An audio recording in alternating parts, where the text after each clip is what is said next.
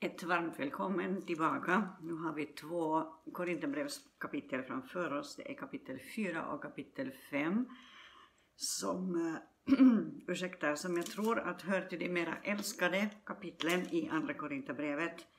Eh, jag tror att de hör till de mera lästa kapitlen också.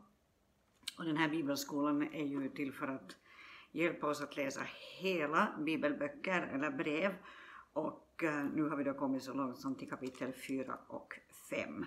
Där eh, då Paulus börjar med att eh, säga så här att eftersom vi genom Guds barmhärtighet har fått den här tjänsten som vi har, det är intressant bara som, en liten, som ett litet påpekande att han hänvisar till Guds barmhärtighet när han talar om den tjänst som han har fått. Så han tar det ur Guds barmhärtighetsperspektivet, inte ur något äh, lagiskt perspektiv, utan han har själv fått möta Guds barmhärtighet och det är Guds barmhärtighet, Guds hjärta för människor som driver honom och därför säger han, därför ger vi inte upp. Och nu är ju omständigheterna för Paulus något helt annat än omständigheterna åtminstone har varit för vår del och är för vår del. Eh, och um, därför är det ju fascinerande att han ser att vi ger inte upp, även om det är tufft. Och även om vi får lida för vår tro så ger vi inte upp.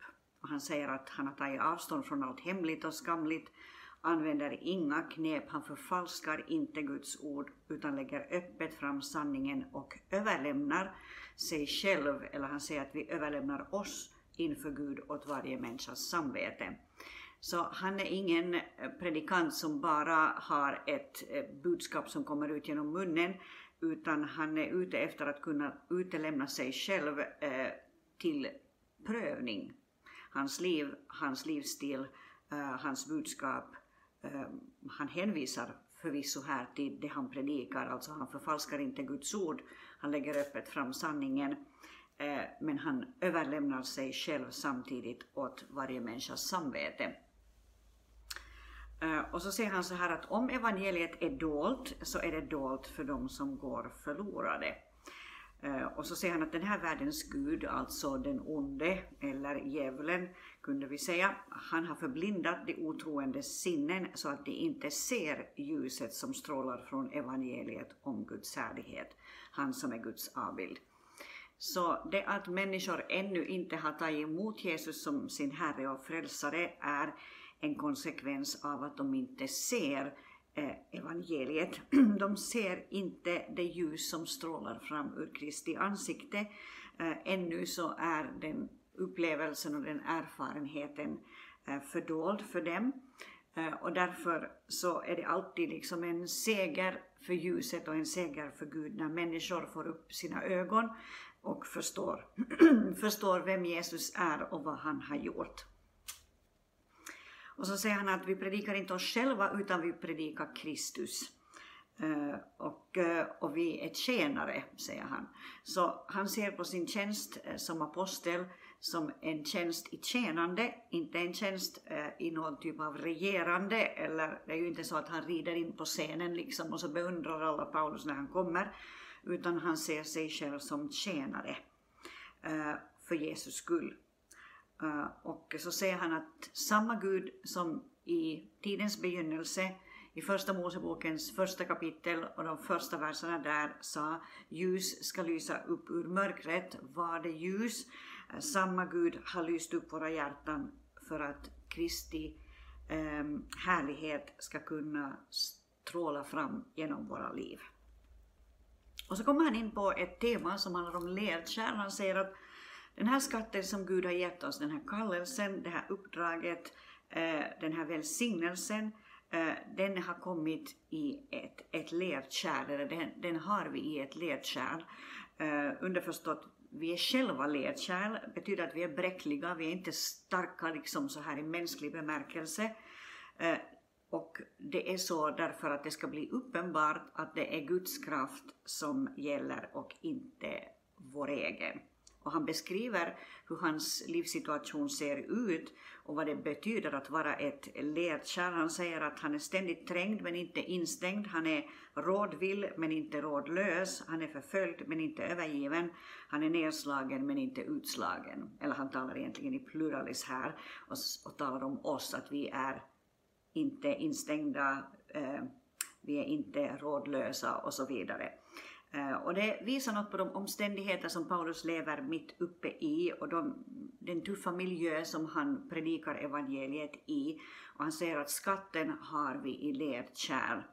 Om, om du vill ha en intressant bok att, att läsa eh, gällande lerkärl och hur man jobbar med lera så ska du läsa den finska teologen Risto Santalas bok om, om, om lerkärlet.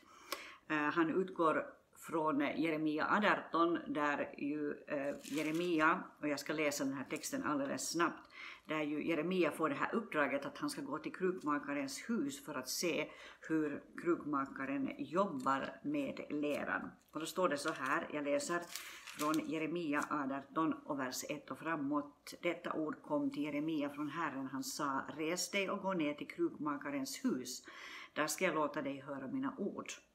Då gick jag ner till krukmakarens hus och såg att han arbetade på drejskivan och kärlet som han höll på att göra av leran misslyckades i hans hand. Då började han om igen och gjorde det till ett annat kärl så som han ville ha det. Och Herrens ord kom till mig, han sade, kan jag inte göra med er, ni av Israels hus, så som denne krukmakare gör, säger Herren, som leran i krukmakarens hand, så är ni i min hand, Israels hus.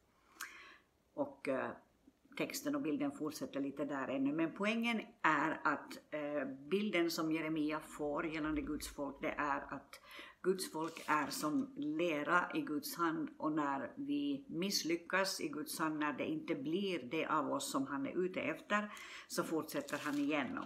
Risto Santala beskriver i boken om om ledkärlen, om hur vissa typer av ledkärl, till exempel sådana som ska bli höga, Ehm, eller liksom har på något sätt en sån här större form, ett större format. Så de görs i etapper därför att eh, leran kan inte bära tyngden uh, av, av det här höga kärlet om det inte har arbetats på. Så man jobbar på leran, sätter leran åt sidan, eh, låter den torka och så tar man igen fram den här, den här början till ledkärlet och så jobbar man på det igen och så sätts det åt sidan igen för att eh, det ska skapas liksom den där kapaciteten i botten att bära den där tyngden. Och Paulus ser att vi är som ledkärl, eller kraften som Gud har gett oss, eller skatten som Gud har gett oss, gåvorna, kapaciteten, eh, är eh, som ledkärl och det ska bli uppenbart att det handlar inte om vår kraft och vår kompetens och vår skicklighet utan det handlar om Gud.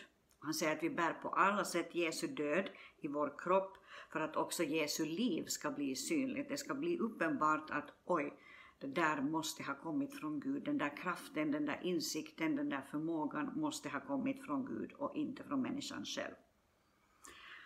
Eh, och så kommer han till det här eh, att vår yttre människa, alltså vår kropp, den bryts ner hela tiden. Han säger i vers 16 att vi ger inte upp, att även om vår yttre människa bryts ner Eh, så förnyas vår inre människa dag för dag. Och det här är ju nog, det är inte bara liksom en statement utan det är en utmaning också. Därför att man kan nog leva på ett sådant sätt att den inre människan inte förnyas varje dag. Alltså om jag inte ger min inre människa näring på något sätt, om jag bara liksom lever av, av popcorn och, och coke, eh, så här bildligt talat, vad gäller min inre människa, så kommer nog också min inre människa att bli allt svagare och brytas ner dag för dag. Men vår inre människa kan, eh, kan eh, liksom bli starkare om den får näring av gemenskapen med Gud och av umgängelsen med Gud. Han säger att vår nöd som är kortvarig och väger lätt bereder åt oss en väldig och överväldigande härlighet som väger tungt och varar e-, evigt. Och han säger att vi riktar inte blicken mot det synliga utan mot det osynliga Därför att det synliga är förgängligt men det osynliga är oförgängligt. Det vill säga det vi har framför oss i himlen, det är någonting som är oförgängligt. Det är någonting som håller.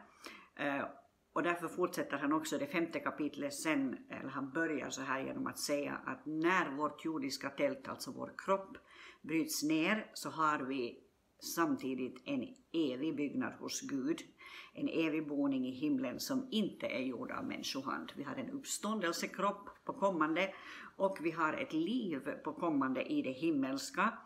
Och han säger att, att här på jorden så bor vi i ett tält, men där har vi en evig byggnad. Det säger någonting om, om styrkan och kapaciteten i det som ligger framför. Det här jordiska tältet, märker vi att det bryts ner med stigande ålder så blir det alldeles uppenbart att den här kroppen, den här kroppen kommer inte att hålla i evighet. Utan om jag ska leva i evighet tillsammans med Herren så behöver jag en ny kropp. Och det kommer jag att få. Eh, det var ju Paulus inne på i första Korinthierbrevet. Du kan gå tillbaka till det vi gick igenom där.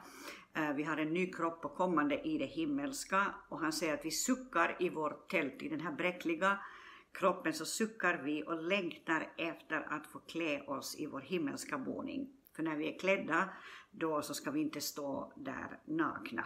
Och vi suckar tungt, säger han, vi vill ju inte bli avklädda utan påklädda. Och det här med att bli avklädd, det är ju ingen rolig framtidsvision.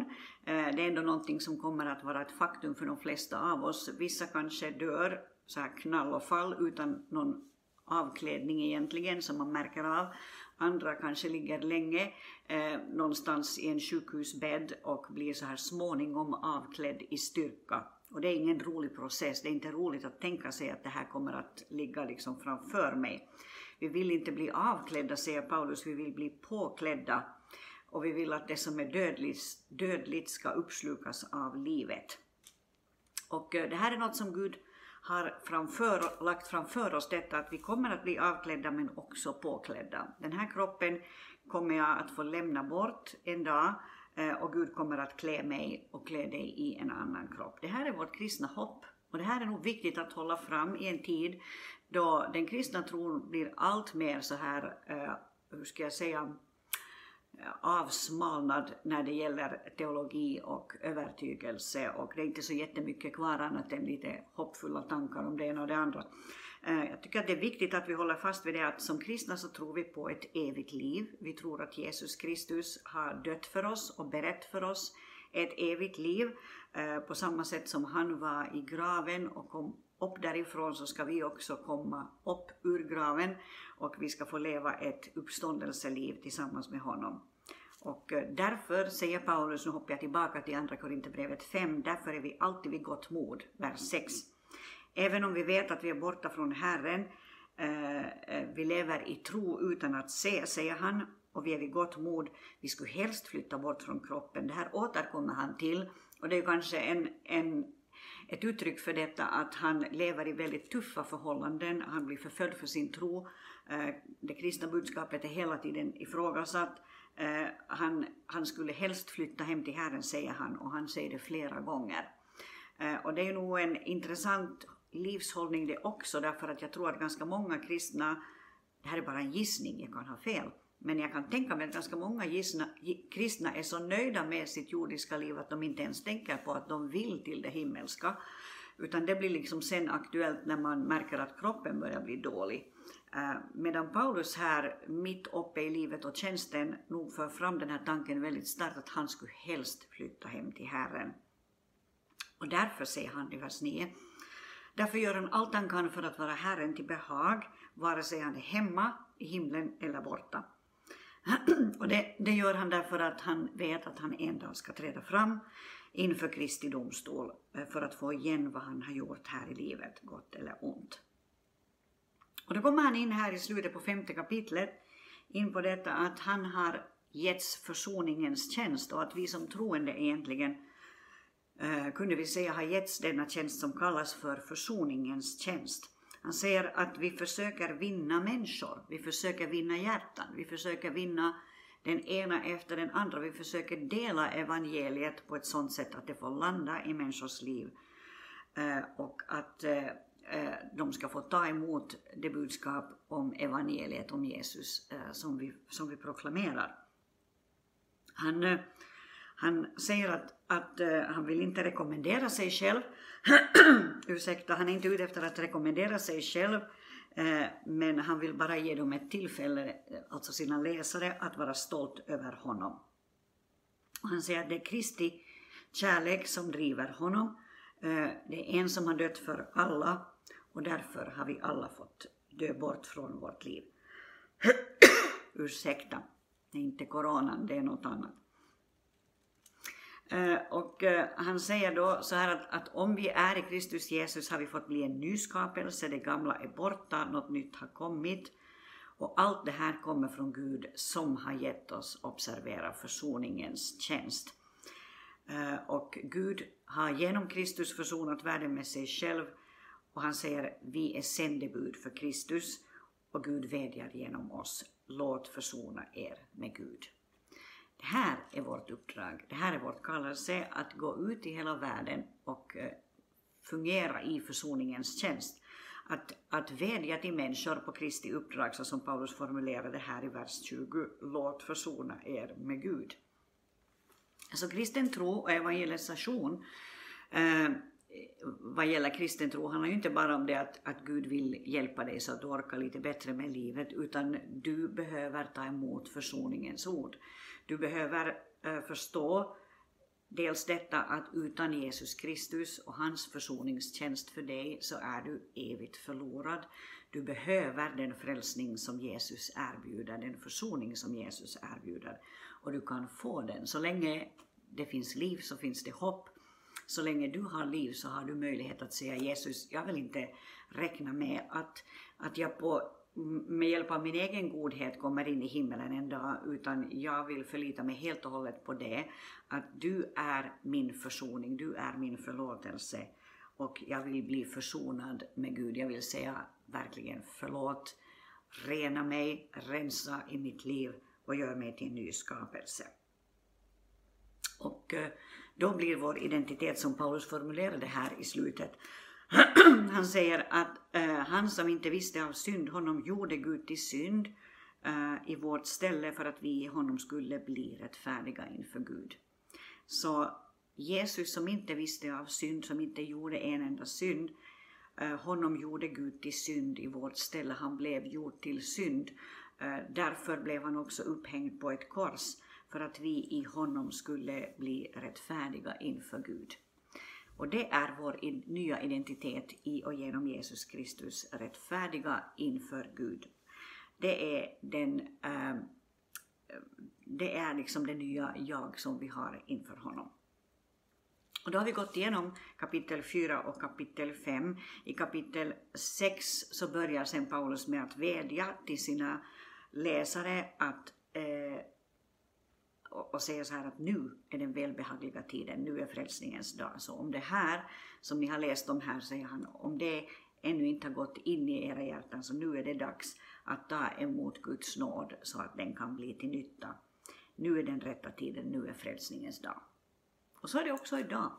Du har möjlighet att verkligen låta det här få bli eh, inympat i ditt liv och du har en möjlighet att vädja till någon annan idag om att han eller hon ska få ta emot Jesus Kristus som sin personliga Herre och Frälsare.